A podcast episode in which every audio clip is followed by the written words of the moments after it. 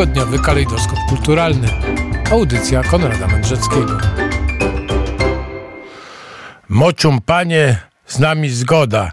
1834 rok to premiera Zemsty Aleksandra Fredy.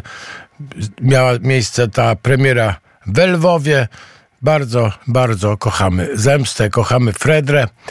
A dzisiaj jest 17 dzień stycznia 2024 roku. Siąpi w Warszawie, ale jest ciepło. Można powiedzieć, że czuć wiosnę w powietrzu. Czuć po wiosnę w powietrzu. A rozpoczynamy. Od czego rozpoczynamy? Od kolejnego odcinka audycji poświęconej krucjatom. Voila! Witam bardzo serdecznie. Kolejny odcinek krucjat radiowych. Dzisiaj w pełnym składzie, już nikt nie spóźnił się na koniu. E, dzisiaj e, jest nasz, nasz główny tutaj e, Milles, wojownik. No, wojownik Bartłomiej Dźwigała. Dzień dobry. UKSW i no, specjalista niesamowity od wypraw krzyżowych. E, no i Łukasz Witkiewicz, nasz rycerz. Dzień dobry. Bardzo, bardzo. No i właśnie jest takie miasto. Dzisiaj się zajmiemy takim miastem. Malutkie. Ono... Konstantynopol. Nie, ono się nazywa Antiochia. Ale miasto. wcześniej do y, Antiochii jedzie się przez y, Konstantynopol, zwłaszcza szlakiem wypraw krzyżowych. No ale my mówimy o Antiochii. Tak, tematem dzisiejszej audycji będzie oblężenie Antiochii, co było właściwie głównym punktem pierwszej krucjaty. Co ciekawe, nie Jerozolima, tylko Antiochia. A skąd się w ogóle ta Antiochia wzięła? Co to było za miasto? Antiochia to starożytne miasto, które było najbogatszym, największym miastem i do, pomiędzy Konstantynopolem a Egiptem, a może Aleksandrią to powiedzmy na tym wybrzeżu bliskowschodnim lewatyjskim to było największe miasto, choć Antiochia nie jest portem. Leży w północnej Syrii nad rzeką Orontes, kilkadziesiąt kilometrów od wybrzeża Morza Śródziemnego.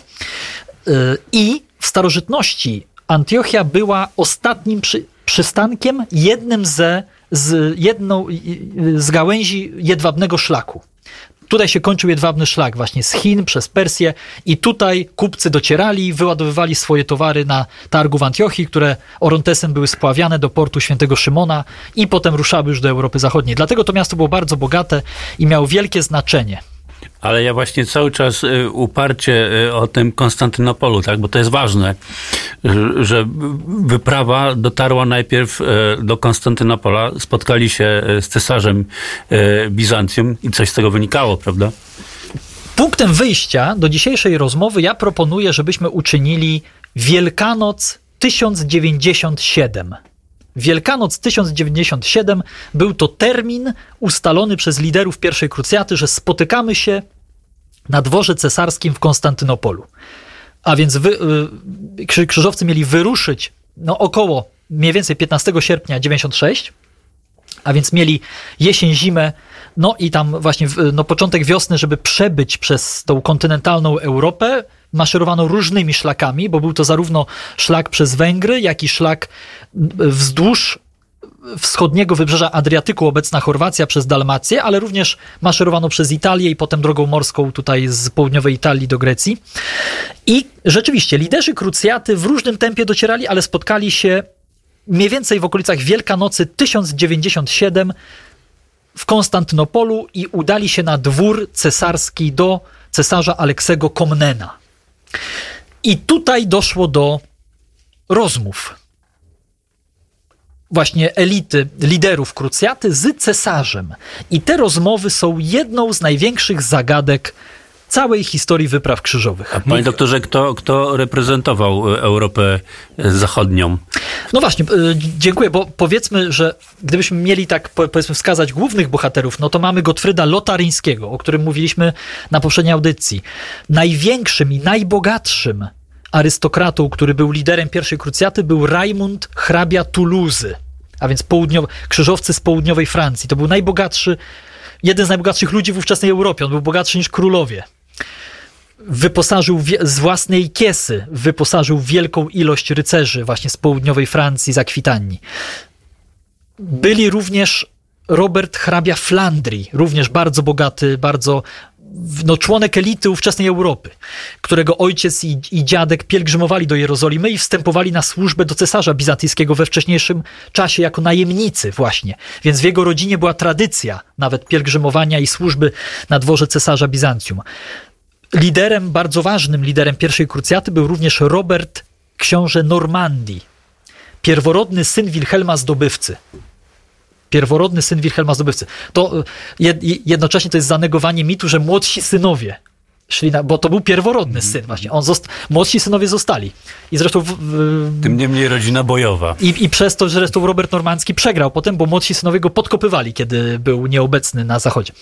A więc mamy Roberta Flandryjskiego, Roberta Normandzkiego, Rajmunda hrabiego Tuluzy, Gottfryda Lotaryńskiego, dodajmy do tego jeszcze Boemunda, księcia Tarentu. Boemund, książę Tarentu, był przedstawicielem elity arystokracji Normanów, którzy opanowali w XI wieku Italię południową. Byli to Normanowie, czyli to byli ludzie, którzy wyruszali z Normandii. Oni w tym czasie zdobyli Anglię, książę Wilhelm zdobywca, ale w tym czasie również oni podróżowali po całej Europie i zebrali na tyle poważne siły, że opanowali Italię Południową i pokonali muzułmanów, którzy właśnie panowali na Sycylii i Normanowie zlikwidowali emirat Sycylii, powstało właśnie bajecznie bogate królestwo Normanów. W 1130 roku ono powstało, już tak w takim kształcie. Było to Królestwo Sycylii i Italii Południowej. Ale przedstawicielem tej elity był Boemund, książę Tarentu. Możemy tutaj dodać jeszcze hrabiego Stefana z Blois, który był mężem córki Wilhelma Zdobywcy, z kolei też elita właśnie Francji, oraz młodszy brat króla Francji Hugo z Vermandois. To była elita europejska. A jeszcze brat y, Gottfrieda, tak? Y, Baldwin. Tak, i, i Gottfried wyruszył ze swoimi dwoma braćmi, z młodszym bratem Baldwinem i ze starszym Eustachym. Hmm. To niesamowite towarzystwo.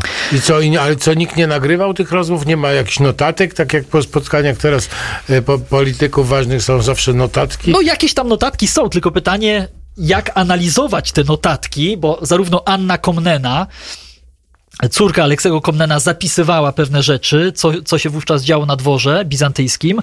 Ona opisuje tych właśnie poszczególnych właśnie mm, arystokratów z Europy ale no, powstało na ten temat bardzo dużo artykułów naukowych, historycy się głowią, co ustalili krzyżowcy w Konstantynopolu, bo pytanie jest takie. Bo nie wydali dokumentu oficjalnego. Bo pytanie jest takie, mam tutaj ze sobą książkę Petera Frankopana, Pierwsza krucjata, wezwanie ze wschodu. Jest to książka dostępna w sklepach w Polsce, w księgarniach, w bibliotekach i Peter Frankopan stoi na stanowisku, że pierwsza krucjata to generalnie było wezwanie ze strony cesarza Aleksego Komnena do, skierowane do Europy Zachodniej o to, żeby przybyli najemnicy do Konstantynopola.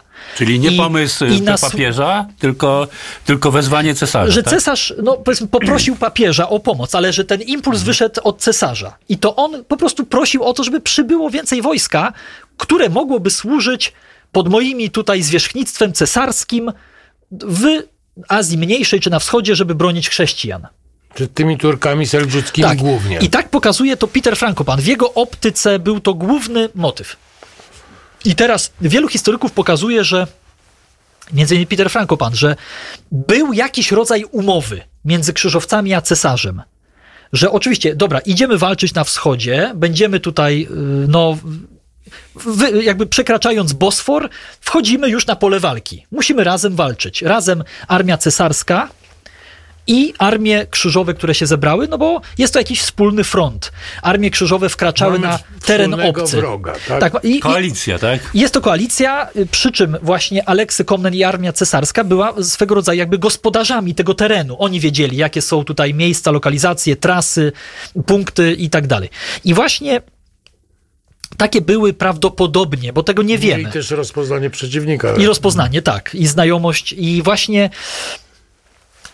tak to miało funkcjonować i my, tak, i my nie wiemy do końca właśnie, jakie były te ustalenia. Czy krzyżowcy byli właśnie jakby na służbie cesarskiej sw- swego rodzaju najemnikami, czy byli oni mm, kimś, może nie tyle, że na służbie, ale no, oni mieli pod jakimś tam y, pośrednim zwierzchnictwem cesarskim walczyć, czyli na przykład tworzyć jakieś takie państewka buforowe, które miały być pod kontrolą cesarską, no czy oni chcieli zupełnie samodzielnie walczyć? No jest to niewyjaśnione, być może nawet krzyżowcy tego nie wiedzieli dokładnie. To znaczy były różne opinie, co ma być, bo czasami tak jest. Tak jak w naszym życiu. Czasami z kimś rozmawiamy, coś ustalamy, ale i tak każdy po swojemu myśli, idziemy dalej i, i każdy z jakąś swoją wizją idzie dalej w różnych ale- ustaleniach. Ale w każdym razie krucjata rusza, tak? Tak. I krucjata wchodzi y, na teren Azji Mniejszej i musimy przejść do Antiochii i tutaj w jednym zdaniu tylko, że przechodząc przez teren Azji Mniejszej, krucjata zdobywa duże miasto Nicee, pokonuje wojsko tureckie pod Doryleum w takiej wielkiej bitwie, w której szczęśliwie udało się krzyżowcom rozbić wojska Kilij Arslana. Y, A szczęśliwie dlaczego? Sz- Szczęśliwie dlatego, że krucjata podzieliła się na dwie grupy, bo stwierdzono, że w jednej masie to wojsko nie jest w stanie się aprowizować i organizować, dlatego szła najpierw jedna grupa na czele z Bohemundem i ona wyprzedziła o jeden dzień drogi drugą grupę na czele z Rajmundem. Po prostu na pół się podzielili, żeby łatwiej było się organizować. Więc jak pierwsza grupa napotkała wojsko tureckie, no to tu się wywiązała bitwa. To wojsko krzyżowe stało, dlatego że Turcy no, walczyli na sposób takiej taktyki stepowej, rozbiegając się, y, zataczając kręgi, ostrzał z daleka, łucznicy i tak dalej. Wojsko krzyżowe stało. I stoją i stoją. Nie da się zaatakować, bo konie tureckie są szybsze. Bardzo trudno i nie wiadomo co dalej. No i w momencie, kiedy y, Turcy, to trwało jakiś czas, krzyżowcy wysłali tutaj szy, szybko kilku posłańców do tej grupy, którą mają za plecami, że przybywajcie do nas szybko, bo tutaj mamy Turków na głowie. I rzeczywiście tam kawaleria ruszyła od razu i po kilku godzinach oni dobiegli do tej grupy i jak Turcy zobaczyli, że ci tutaj to nie jest całość, tylko nagle z gór schodzi drugie tyle, no to tu doszło do pewnego szoku, ci Turcy się wycofali, popadli w rozsypkę. I, ty, i dzięki temu powiedzmy, no był Nie ten... taka była umowa, y, tak? Był ten moment odepchnięcia tych Turków, był moment wycofania się. psychologiczny, tak? Tak, i, i, no i, i to było jakby, to, to zagrało na korzyść krzyżowców, ten element zaskoczenia, który na polu bitwy jest kluczowy zawsze. Ale panie doktorze, czy y, idąc właśnie dalej przez Azję Mniejszą, krzyżowcy walczą ramię w ramię e, z, z wojskami cesarza, czy są zdani e, sami na siebie, na własne siły? Można powiedzieć, że tak. Wojska cesarskie nie walczą razem z krzyżowcami. Natomiast y, y, wojska cesarskie, cesarz dał krzyżowcom swojego oficera Tatikiosa, który miał pomagać w aprowizacji, on miał być też przewodnikiem, dawać takie wsparcie logistyczne, czyli gdzie maszerować, jak maszerować. Więc właściwie cesarz bezpośrednio wspierał y, poprzez kwestie techniczne, logistyczne wojska krzyżowe i wojska cesarskie kroczyły w ślad za krucjatą i zajmowały tereny, które przeszli krzyżowcy, od których jakby krzyżowcy odepchnęli Turków. Czyli cesarstwo wschodnie po prostu korzystało na tej ofensywie krzyżowców. Puchło. Po prostu. On zajmował porty, czyli właśnie zabezpieczał sobie tyły. No, on, no, no tak można powiedzieć, że zabezpieczał tyły krucjaty. To było też bardzo ważne. Wszyscy Ale to korzystali były na tym. ziemie, które już kiedyś należały tak, do, do Bizancjum i oni je jakby odbijali, tak? Tak, tak. No. Azja Miesza jakby była tym terenem bizantyjskim, który dopiero został, powiedzmy tutaj, no... No, ale to wygląda na wspaniałą tak. współpracę, że Tak, wszyscy tak, korzystali, obie strony. Prak- No, ale ja Praktycznie nie tak. wiem, czy to fajna współpraca. No jedni idą i się biją, odbijają im y, ko- kolejne No, miasta, ci pro- tylko zajmują, a, a, a, a, a oni się wykrwawiają. Główna armia cesarska była powiedzmy z tyłu. No właśnie. I w ten sposób docieramy do Antiochii. Też warto wspomnieć, że w międzyczasie tutaj krzyżowcy dotarli do Armenii Cylicyjskiej. To jest też ważna sprawa, dlatego że Azja Mniejsza była zamieszkiwana właśnie wówczas nie przez ludność turecką. To były plemiona jakby koczownicze, stepowe, które tam wchodziły na ten teren, ale głównie to była ludność chrześcijańska. Azja Mniejsza to był teren chrześcijański. Proszę Państwa, to jakby nie, Syria przecież potem. Syria, Azja Mniejsza i tak dalej. I tutaj krzyżowcy wchodzą szczególnie w, y, do Armenii, do Cylicji, gdzie mają po prostu Ormian. Ormianie, którzy czekają na krzyżowców, witają ich z, z otwartymi rękami. Częściowo Ormianie są w kontakcie z ludźmi cesarskimi i dochodzi do takiego, można powiedzieć, do likwidacji władzy tureckiej, organizowania się, odbijamy miasta, wprowadzamy garnizony, jest wszystko okej.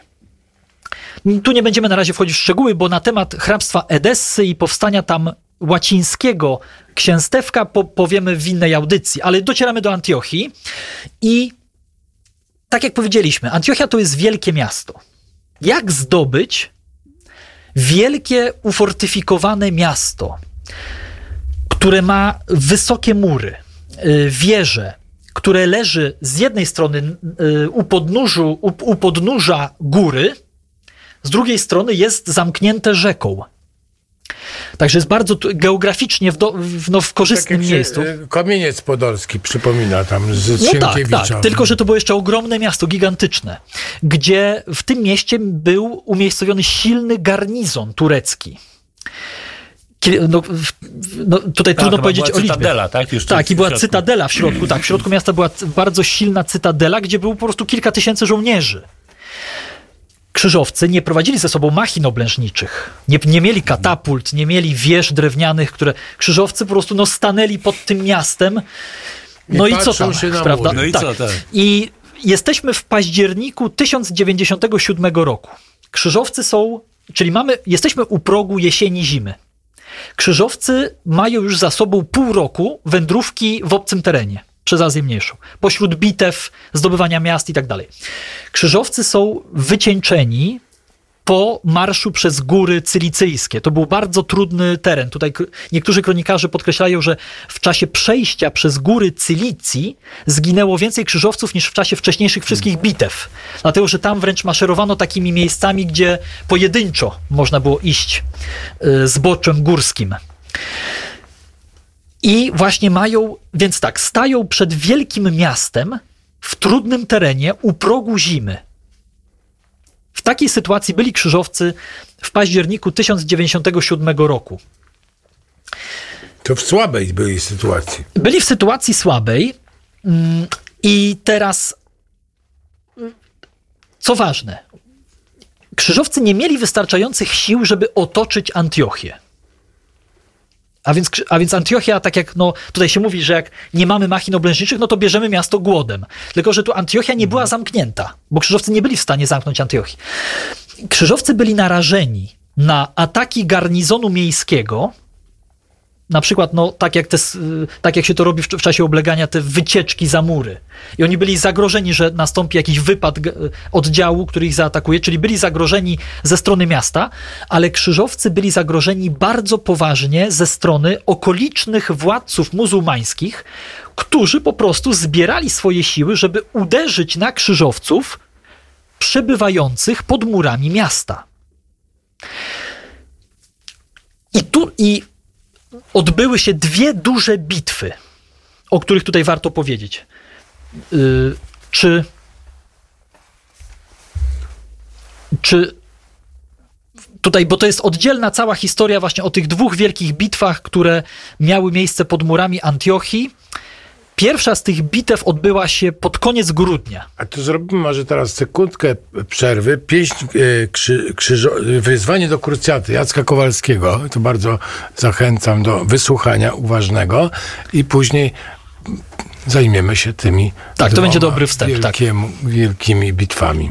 To proszę poczekać, bo my czekamy tutaj pod murami Antiochii. Proszę czekać z nami, zaraz zacznie się dziać. No i co, jesteśmy już e, przededniu, cały czas. No właśnie, i teraz krzyżowcy przebywają pod Antiochią, jest zima, głód, co ważne, choroby, kryzysowa sytuacja i w, zbierają się wojska muzułmańskie, które uderzają na krzyżowców z zewnątrz. To są więc pierwszą taką y, armią, która była y, wysłana z odsieczą Antiochii, y, była to armia Ridwana z Aleppo. Jak spojrzymy sobie teraz na mapę, Aleppo i Antiochia to są miasta niepołożone daleko od siebie. To jest blisko geograficznie. Ridwan z Aleppo prowadził wiele tysięczną armię ze sobą, żeby uderzyć na krzyżowców, którzy przebywają pod murami miasta. Dla każdej armii w średniowieczu no, był to wyrok śmierci, żeby walczyć i z odsieczą, jednocześnie będąc pod murami obleganego miasta. No to jakby, no, trudno to sobie nawet w wyobrazić. kleszczach są. A gdzie wojska cesarskie? Przecież no z tyłu mają e, zdobyte ziemie, tak? E, cesarstwa Bizanty, bizantyjskiego na powrót. No gdzie jest, gdzie, gdzie jest cesarz? Cesarz Aleksy myślę, że wówczas kalkulował, co robić dalej, jak się potoczy dalej sytuacja. On sam nie wiedział, też komunikacja nie była taka prosta. Może jeszcze tak wyjaśniając, że Komórka mu nie działała? że Cypr był y, pod panowaniem g- bizantyjskim, a więc tutaj z Cypru była zaopatrywana Antiochia. W międzyczasie została zdobyta Laodycea. Jak sobie spojrzymy, właśnie Laodycea to jest na południe od Antiochii pobliski port, który również tam przy- przybywała aprowizacja, więc komunikacja jakaś była. Myślę, że wszyscy czekali, co się stanie.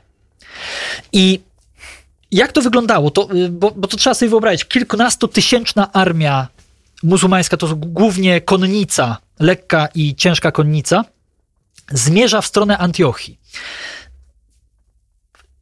Krzyżowcy decydują się nie czekać pod Antiochią.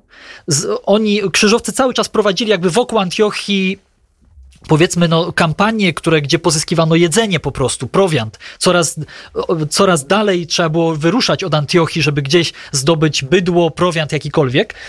I jedna z takich właśnie grup, które szukały aprowizacji, napotkały właśnie tę wielką armię. Wysłano szybko p- tutaj gońców z informacją, że zbliża się wielka armia z Aleppo i Bohemund, który był takim, no, stał się liderem jako najbardziej utalentowany militarnie dowódca, zdecydował, żeby wysłać grupę konnicy rycerskiej, która po prostu gdzieś na trasie do Antiochii przetnie drogę i zaskoczy tą armię muzułmańską. Polegało to na tym, no tu jest jakby kwestia inicjatywy. Bohemund starał się mieć inicjatywę w swoim ręku i on po prostu uderzył na czoło armii Ridwana z Aleppo w miejscu dla siebie korzystnym, czyli zwężeniu. I uderzając na czoło, wysłał po prostu jakąś grupę 300-400 konnych rycerzy, którzy byli w stanie walczyć i mieli konie. Wię- Większość koni już zginęła wcześniej, zmarła. Wysłał grupę, która była w stanie walczyć na tą kilkunastotysięczną armię, żeby uderzyć na czoło. Bo nie ma innej opcji. I to uderzenie frontalne no było tak na tyle dużym, było to zrobione w sposób odpowiedni militarnie, jest element zaskoczenia, odpowiednio wybrany teren. Okazało się ono sukcesem, ponieważ zaskoczona armia Ridwana z Aleppo no, nie była w stanie wytrzymać tego pierwszego uderzenia. Kiedy pierwsze szeregi się cofają, to już całość się cofa. Jakby to tak działa psychologia, to jeżeli nie ma dobrej organizacji wojska. I rzeczywiście tak było. A taktyka y, tamtejszej jazdy w tamtych czasach to była po prostu szarża y, z, najeżona kopiami, tak? Jazdy rycerskiej, Tak, a tak, jazdy tak. tureckiej to było okrążyć. Tylko, że Bohemund wybrał miejsce, gdzie nie można było się wycofać i okrążyć, manewr. A więc pierwsze szeregi padły. Yy, krzy, krzy, Chaos pewnie. chaos i już, już jest wrażenie, że jest porażka i cofamy się. No i w ten sposób Bohemund uratował krucjatę. Tylko, że to był właśnie koniec grudnia. Cały czas szykowała się kolejna armia Dukaka z Damaszku. Damaszek to, była jeszcze, to było większe miasto niż Aleppo, jeszcze większa armia. Na wieść o tym, że zbiera się wojsko damasceńskie, w, jakby w, w kolejną taką ekspedycję na odsiecz Antiochii, Tatikios, który był oficerem Aleksego Komnena, przypisanym do krucjaty jako ten taki oficer łącznikowy, można powiedzieć, opuścił Antiochię. Wiedząc o tym, że no to raz się może udało, ale za drugim razem to chyba już się nie uda, Tatikios stwierdził, że opuszcza krucjatę po to, żeby uzyskać aprowizację. Jak pisze Peter Frankopan, że Tatikios miał poinformować o sytuacji, zapewnić dodatkowe dostawy. I rzeczywiście te dostawy, jakieś dostawy przybyły do Antiochii. Prowiantu, materiałów, a nie wojska.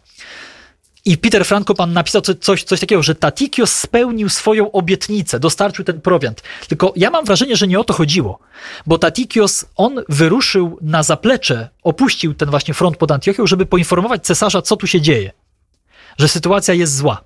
Tatikios już nigdy nie wrócił pod Antiochię. Ale krzyżowcom też oprócz prowiantu e, potrzeba, e, im było potrzebne też drewno, prawda? Na przykład do, do budowy maszyn Tak. ob, o, oblężniczych, drabin, no, e, Tak. wieży oblężniczych, tak? Tak, bo cały czas krzyżowcy no, mieli przed sobą to wielkie miasto, te mury, które były nie do zdobycia.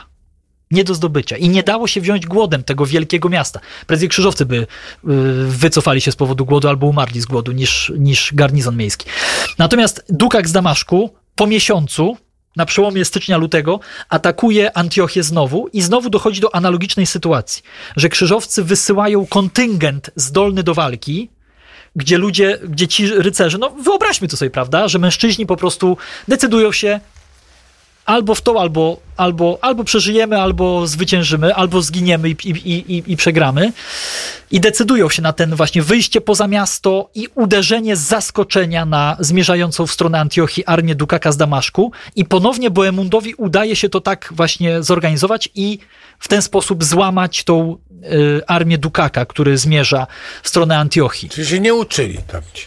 No, z, zostali ponownie zaskoczeni bo oni mieli raczej świadomość, że idą pod Antiochię, tam stoczyć bitwę z wojskami krzyżowców. Natomiast ci w Damaszku, no nie w Damaszku, tylko w Antiochii dopiero zaczynają się bać, tak? Jeżeli idą tak. dwie armie, oni, oni stoją już y, zmęczeni, wygłodzeni, tak. schorowani i mimo to radzą sobie z dwoma armiami. No. Tak, i garnizon miejski widział to, co się dzieje i 4 marca 1098 roku dochodzi do bitwy pod Bramą Mostową.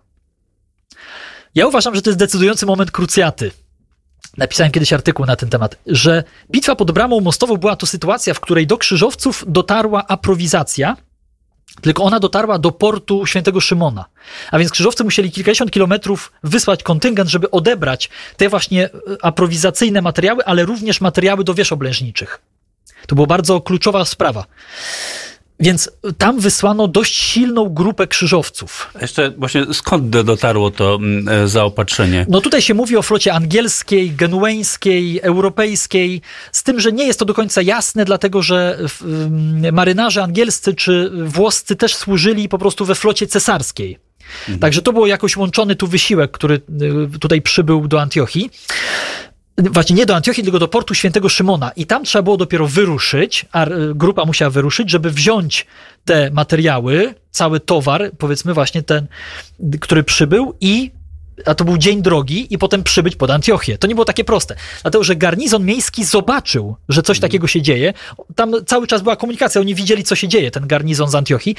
I garnizon z Antiochii wysłał bardzo silny kontyngent, kilkuset wojowników przeciwko tym krzyżowcom, którzy mają wracać pod miasto z tymi materiałami. Ale jak oni ominęli tych krzyżowców w takim razie? Bo, bo mówię, Antiochia nie była zamknięta. Oni mogli bokiem wyjść bramą jakąś, która była poza zasięgiem, powiedzmy, wojska. No i... tak, no ale krzyżowcy byli przed, pod górami i mogli... To oni przez te góry, bo jak Antiochia była pod górami, u podnóża góry, to jak, jakieś tym szlakami z tyłu przez góry... Czyli można było, Były, tak, tak, tak.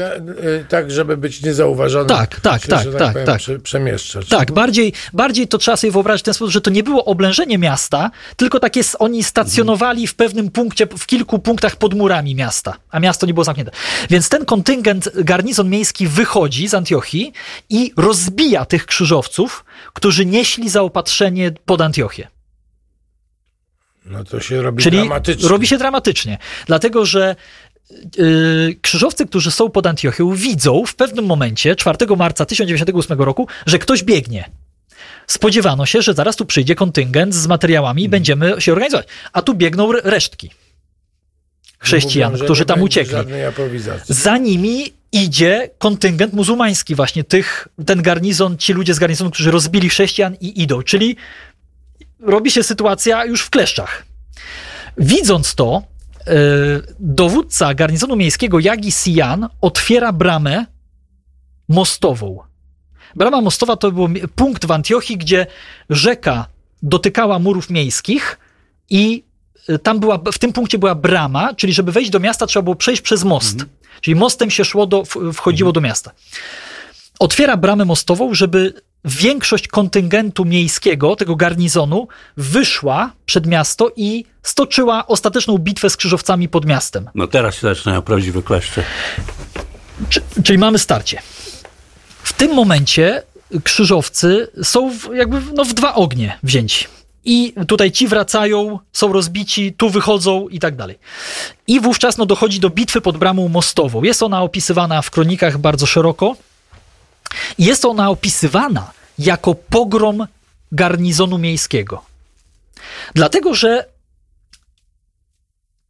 no, to pozostawiam każdemu, żeby wyjaśnić te tajniki ludzkiej psychiki, że wówczas krzyżowcy stanęli do bitwy i uderzyli na ten garnizon miejski, na, tych, na to wojsko, które wyszło z miasta. I ku zaskoczeniu muzułmanów, którzy sądzili, że tutaj już walki, walka nie będzie podjęta raczej, y, krzyżowcy... Że duch upadł. Tak, że duch upadł, że, to, że właściwie to już jest y, tylko y, no. na dokończenie, to krzyżowcy podejmują walkę, stają ramię w ramię, wypierają ten garnizon miejski i do czego dochodzi?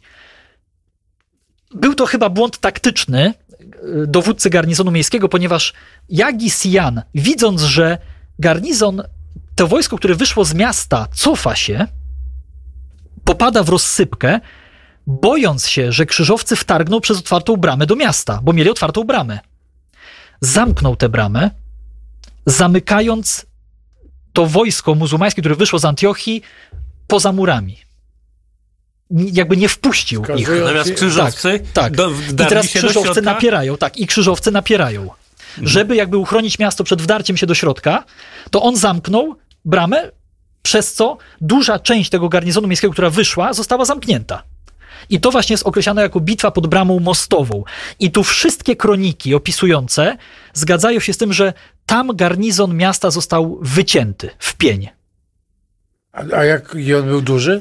No, ja myślę, że to mogło być kilkaset do 2-3 tysiące żołnierzy, tylko że to no, nie wszyscy tam wyszli. Ale tu jest powiedziane, że w kronikach, że tu jest elita, że to byli oficerowie, to było dowództwo. Oni wyszli jak na paradę trochę, żeby odnieść to Jak ostateczne swoje, zwycięstwo.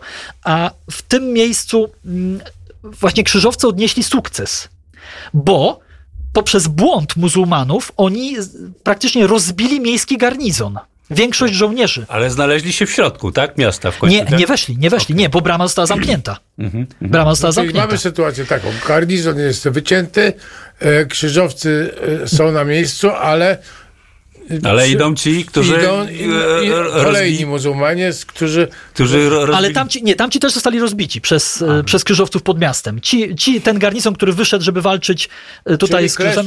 zostały zlikwidowane. Tak, jakby no- Ale brama jest zamknięta. Brama jest dalej? zamknięta, garnizon miejski jest y, zneutralizowany przez krzyżowców i od tego momentu już y, garnizon Antiochii nie podejmował wypraw przeciwko krzyżowcom, ty, tych wycieczek.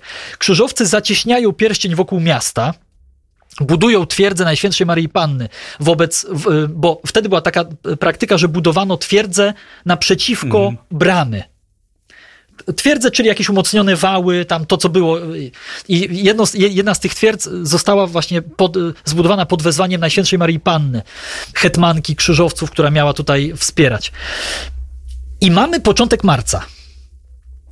Jest impas. Dlatego, że do miasta nie wejdziemy, nie zdobędziemy. Jest marzec, kwiecień, maj i teraz krzyżowcy mają świadomość, że pod Antiochię zmierza trzecia, jeszcze większa armia muzułmańska, emira Kerbogi z Mosulu. Mosul to jest obecny północny Irak. To była największa z tych armii. Dlatego, że on tutaj zebrał wszystkich Turków, muzułmanów, którzy tutaj byli w stanie. I krzyżowcy walczą z czasem, bo przeciwko tej armii wiadomo było, że raczej już nie wyjdziemy tak łatwo. Miasta się zdobyć nie da. I w międzyczasie Boemund nie- nie ma też machin oblężniczych w żaden sposób tutaj. Więc Boemund, który stał się naturalnym liderem wojsk, dokonał, jakby wszedł w porozumienie z garnizonem jednej z wież Antiochii, z osobą, która z, jej imię zostało zapisane jako Pirus lub Firuz, który miał być muzułmaninem, który niedawno przyjął islam, wcześniej był chrześcijaninem i tak dalej. Wszedł z, w, y, z nim w porozumienie, obiecując mu bezpieczeństwo i on i tenże właśnie Firuz wydał jedną z wież Boemundowi. W nocy Zdradził swoich. zdradził po prostu, tak. I Ale imię wskazuje na to, że był prawdopodobnie Grekiem, tak? Wa- Albo Armianinem. na Tak, tak, tak. I wówczas właśnie w nocy z 1 na 2 czerwca krzyżowcy po drabinie weszli na tą wieżę, zajęli ten punkt miasta, otworzyli pobliską bramę i w ten sposób y, obrona została zneutralizowana. Część obrońców się poddała bez walki, ale garnizon się zamknął jakby w cytadeli. Ta resztki garnizonu muzułmańskiego się zamknęły w cytadeli. I to właśnie po, potem w pieśni o Antiochii są wysławiani ci krzyżowcy, ci, którzy wtedy w nocy pierwsi wchodzili po drabinie na wieżę, nie? że to potem ten krzyżowiec tam właśnie wraca do domu i on jest ten, w którym śpiewają, że to on po drabinie właśnie w Antiochii wchodził na wieżę. To trzeba sobie wyobrazić. Potem ktoś taki to jest celebryta. I Ale tak, sytuacja jest niesamowita, tak? No bo oni są Tak. w środku, w środku jest, e, w cytadeli zamknięci się, są Turcy, a tu idą kolejni, tak? Pod mury. I kolejnego dnia armia Kerbogi przybyła pod Antiochię. Kolejnego dnia. Także to była Ale ostatnia noc. już byli w środku. Tak, to była ostatnia noc, kiedy można to było bramę. zrobić. Tak, tak, tak, tak.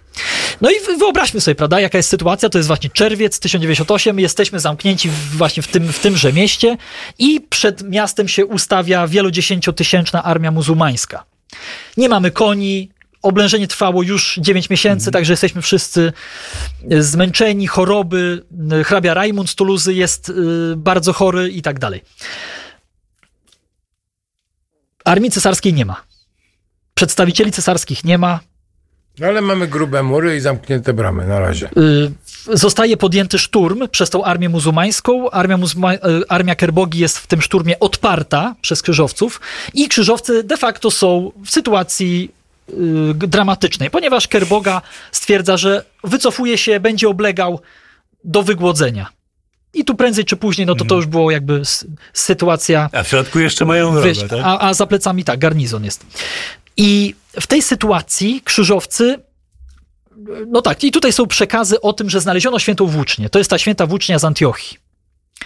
Gdzie s- mamy w przekazach kronikarskich, y, że w katedrze świętego Piotra, czyli tam, gdzie apostoł Piotr głosił właśnie naukę, tam, gdzie chrześcijanie zostali nazwani chrześcijanami, Chrześcijanami. tam, gdzie powstała właśnie jedna z pierwszych gmin chrześcijańskich, w tejże katedrze w prezbiterium odkopano świętą włócznię, czyli włócznię, która była przypisywana jako ta, która przebiła bok Chrystusa na krzyżu. I e, ta święta włócznia, co ciekawe, w przekazach kronikarskich jest opisana, to odnalezienie tej relikwii, w momencie, kiedy jest opisane, że krzyżowcy mieli poczucie tego, że cesarz ich zdradził.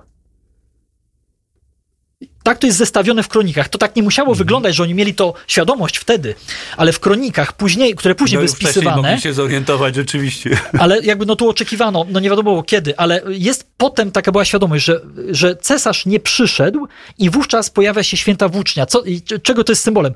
Bo święta włócznia była symbolem cesarskim. Cesarstwo Ottonowie, cesarze niemieccy, ich relikwią główną była właśnie relikwia świętej włóczni. Zresztą Otton III przekazał w Gnieźnie kopię relikwii świętej włóczni w 1000 roku. A więc ta relikwia, właśnie patrząc pod kątem kulturowym, święta włócznia była przejawem tej władzy cesarskiej, czyli uniwersalnej władzy monarszej nad chrześcijanami. I tu dla krzyżowców to było bardzo istotne, bo to był symbol, że już teraz nie cesarz wschodni broni chrześcijan, bo on zdradził, opuścił, nie przyszedł. Tylko to właśnie krzyżowcy dostali od Boga znak w postaci tej świętej włóczni, że teraz to oni przejmują rolę obrony chrześcijan na wschodzie. Tylko, że taka była późniejsza percepcja. Natomiast tutaj w czasie oblężenia Antiochii, no ta włócznia możemy wnioskować, podniosła morale krzyżowców.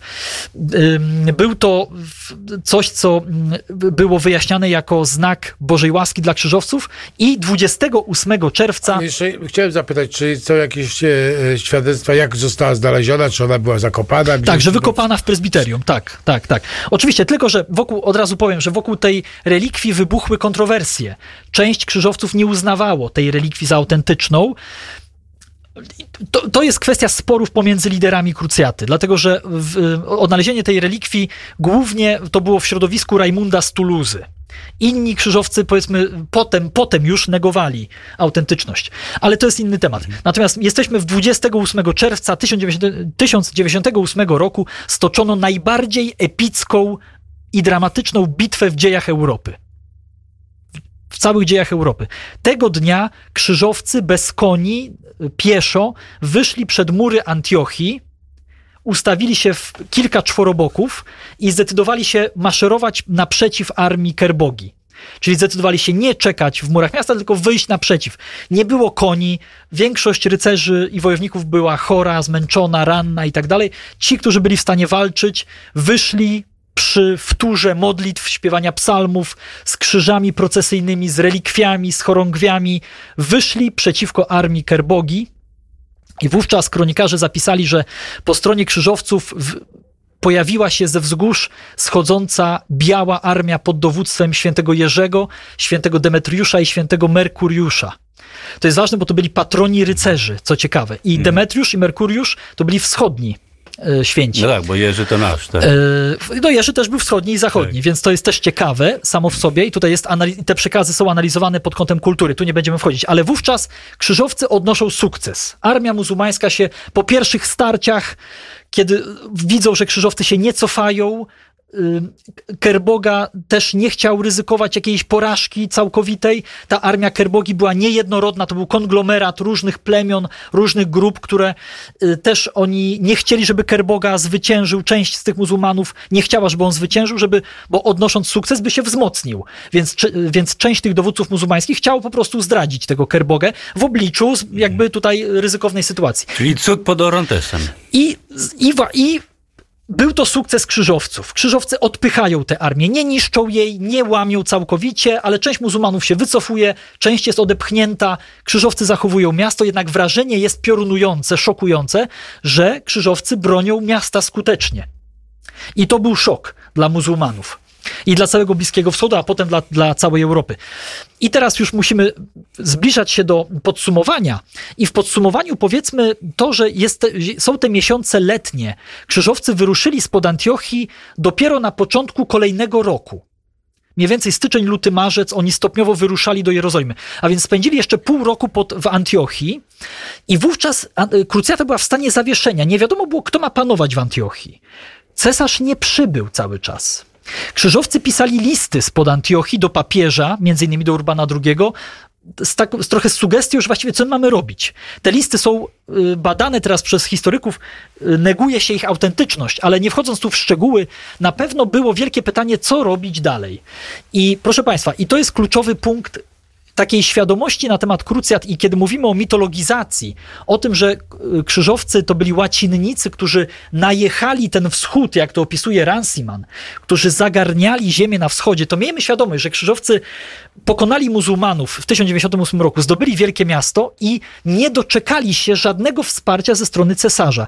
Cesarz, można powiedzieć, abdykował. Tak jak napisał to Peter Frankopan, że to była walka o duszę krucjaty, z której zrezygnował Aleksy Komnen, wycofując się z Azji Mniejszej. No, wyszło na to, że on się wycofał właśnie wtedy, kiedy Tatikios wycofał się, czyli na początku roku, w tym najbardziej dramatycznym momencie.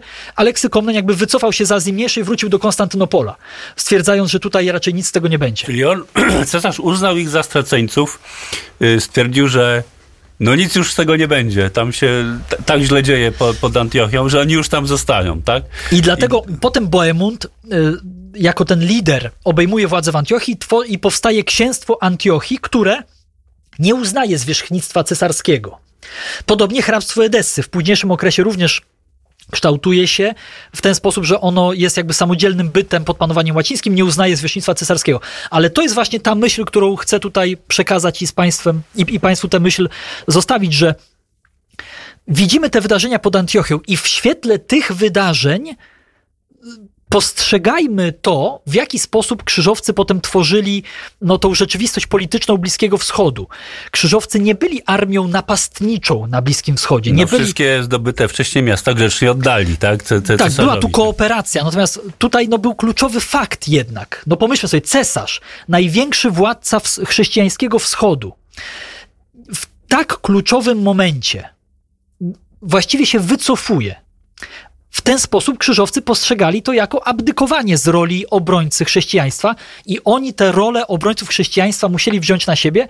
Potem właśnie jako kolejny etap powstają państwa krzyżowców na Bliskim Wschodzie, które nie były wyrazem kolonializmu, agresji, jakiejś takiej ofensywy zbrojnej przeciwko y, cesarstwu bizantyjskiemu, Cesarstwo bizantyjskie nie było ofiarą pierwszej krucjaty, bo cesarstwo w pierwszym momencie bardzo dużo zyskało na pierwszej krucjacie, ale w wyniku braku kooperacji, w wyniku tego zbiegu wydarzeń, który oczywiście można rozumieć, Aleksy nie chciał ryzykować swoich żołnierzy, życia po prostu, ale miało to swoje skutki.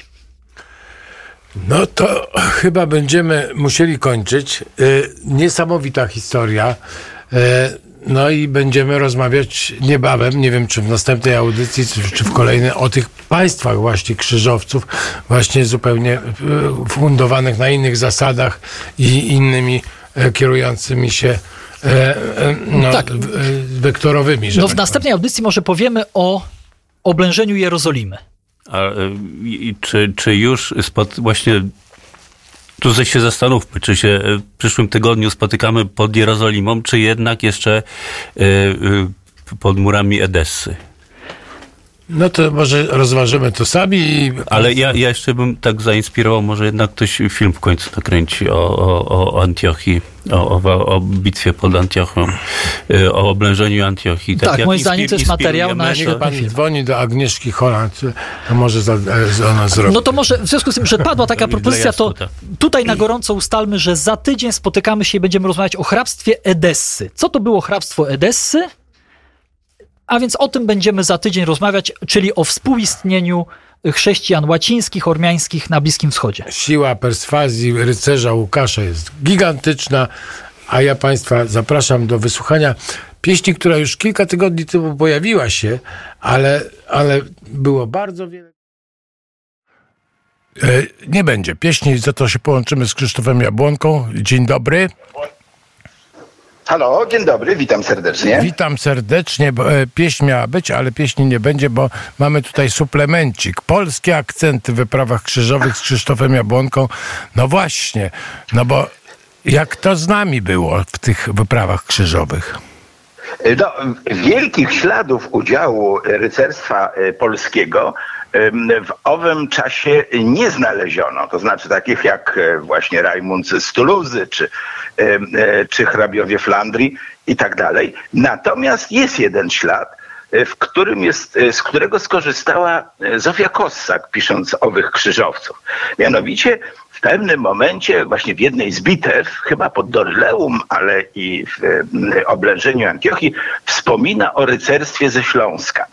No ja się zaciekawiłem, czy, czy ona miała podstawę, czy też tak sobie, no jak to e, powieściopisarka, e, patriotka wstawiła tych naszych rycerzy śląskich, no bo to wypada, żeby w takim gronie się znaleźć. Otóż jest taki ślad, ponieważ dołączyło do grupy rycerzy niemieckich rycerze czescy. A Cze- wśród Czesi nich nawet pepiki normalnie? Pepiki, tak, no, Pepiki podlegały cesarzowi, więc one, chociaż e, pierwsza wyprawa nie była cesarska, on, trzecia dopiero była cesarska, była książęca, królewska i cesarska, tak należy te trzy pierwsze wyprawy widzieć. Niemniej, przekaz o, o Bohemach, którzy gdzieś tam em, na trasie tej węgierskiej dołączyli, y, zachował się w jakiejś kronice niemieckiej. I na tej podstawie właśnie wysnuła, że wśród tego rycerstwa em, bohemskiego z całą pewnością e, byli również rycerze śląscy, ponieważ wpływy i kontakty rycerskie w tym czasie właśnie tradycja rycerska przechodziła. W ogóle e, nasze, nasi wojowie tych e, biednych piastów stawali się powoli rycerzami e, czyli świadomymi obywatelami e, swojego miecza. E, Herby się w ogóle z Czech wzięły w całości prawie e, u nas, za wyjątkiem na tam takich e, czysto mm, rodzimych. W związku z tym no to wszystko skłania ku e, wprowadzeniu jakiegoś tam bliżej niezorientowanego oddziału. E, Pamiętajmy, że jeszcze w tym czasie Czesi i, i, i Ślązacy posługują się e, orłem czarnym. Dopiero pod Barbarossa, pod Mediolanem zmieni herb Czechom na lwa, no bo zdobyli ten Mediolan, Mediolan, a lew był symbolem, no i, i, i rozbrat ze Śląskiem już był w herbarzu pełny. A więc możemy przyjąć, że rzeczywiście e, nie ominęło to przynajmniej południowej części e, naszego południowo-zachodniej części, czyli tej najbardziej wpływowej, która miała już ścisłe kontakty z Czechami, z Bohemami, e, owe, owe wezwanie do krucjaty. Natomiast o wiele ważniejszym e, uczestnikiem, ale to już następnej krucjaty, e, 1147-48, e, krucjaty królewskiej, e, będzie udział młodszego brata e, Bolesławowiców, e, piątego z kolei syna, tutaj się niektórzy oburzą, że Henryk Sandomierski jest czwartym synem. No nie, on jest piątym, bo jeden zmarł za życia ojca, więc wypadł tam z tej um, koronowanej, um, przepraszam, no, um, książęcej linii. A zatem nasz Henryk Sandomierski, który no, był natchniony duchem i chrześcijańskim, i krucjatowym, wyruszył ze swojego Sandomierza, który świeżo otrzymał zresztą od, od owych braci. Początkowo był za młody, był bardzo młodziutki, jak zmarł ojciec, a jego brat Kazimierz Sprawiedliwy się podobno jeszcze nie urodził, dopiero był w drodze. W związku z tym, tym Sandomierzem e, zarządzał i Sandomierzanie w 1154 roku ruszyli do ziemi świętej. I tu mamy przekaz, e, zapragnął on bronić Jerozolimy, która wzywała pomocy. Pamiętajmy, tam lada momento napadnie ta Jerozolima.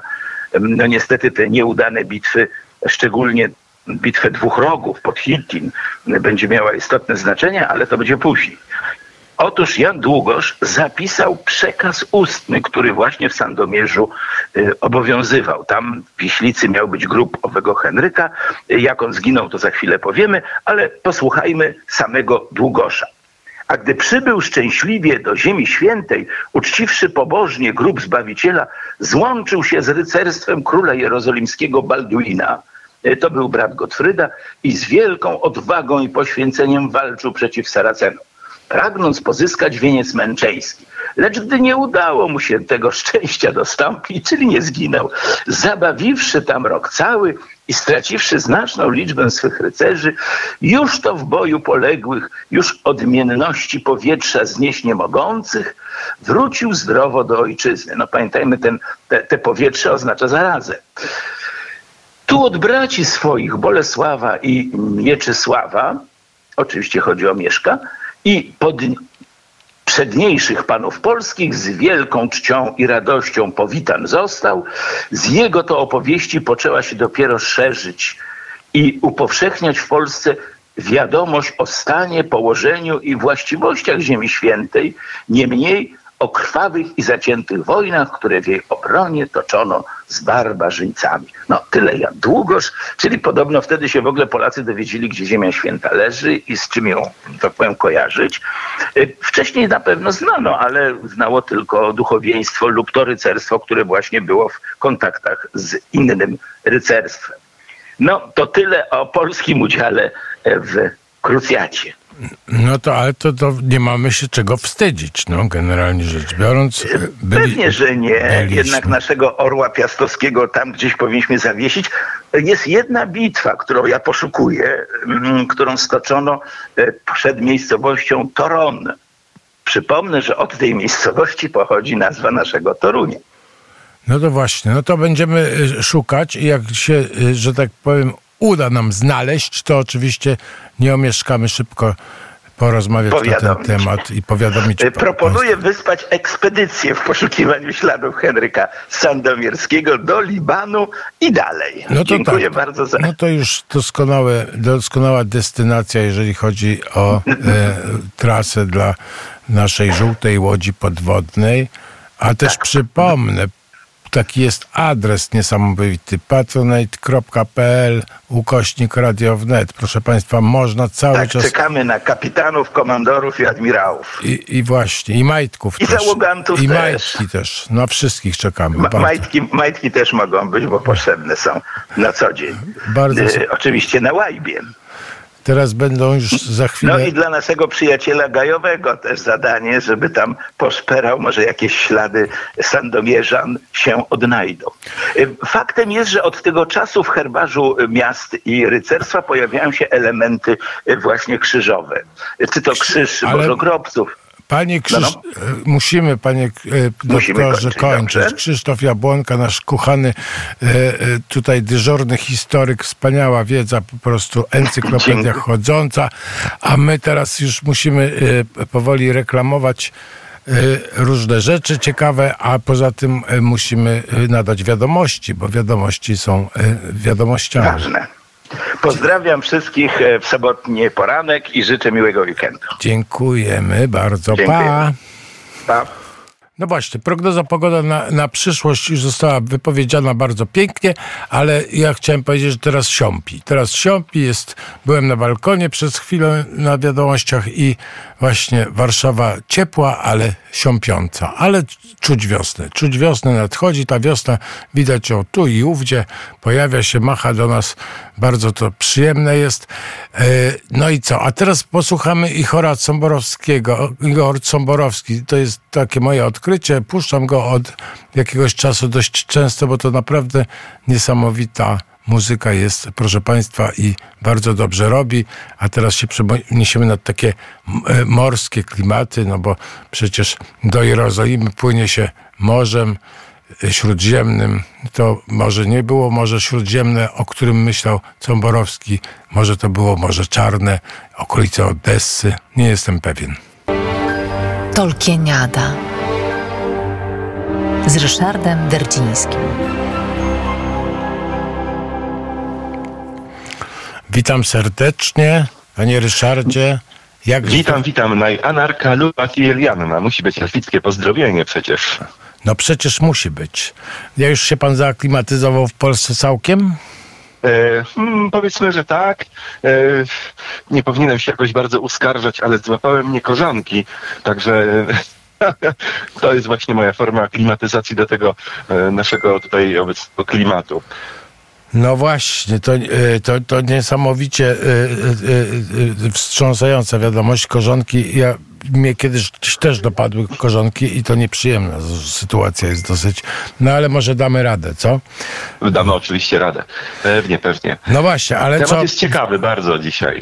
Wrócił pan do Polski i dowiedział się pan też różnych ciekawych rzeczy, jakie plany są tutaj ministra edukacji na, na, na, na że tak powiem, likwidowanie różnych lektur.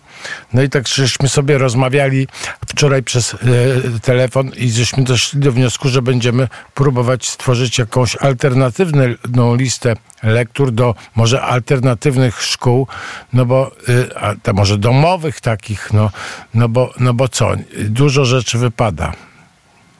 Y, patrzę na to wszystko ze smutkiem wielkim.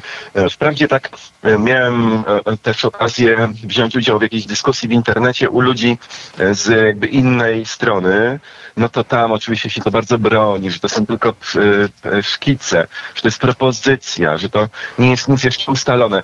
Ale myślę, że gdyby poprzedni minister edukacji właśnie e, zaproponował takie zmiany, gdzie powycinałby, e, nie wiem, no nie wiem, Lecha Wałęsę na przykład z os osób, które się omawia przy zmianach demokratycznych w Polsce i tak dalej, to byłby e, krzyk i retes na cały świat.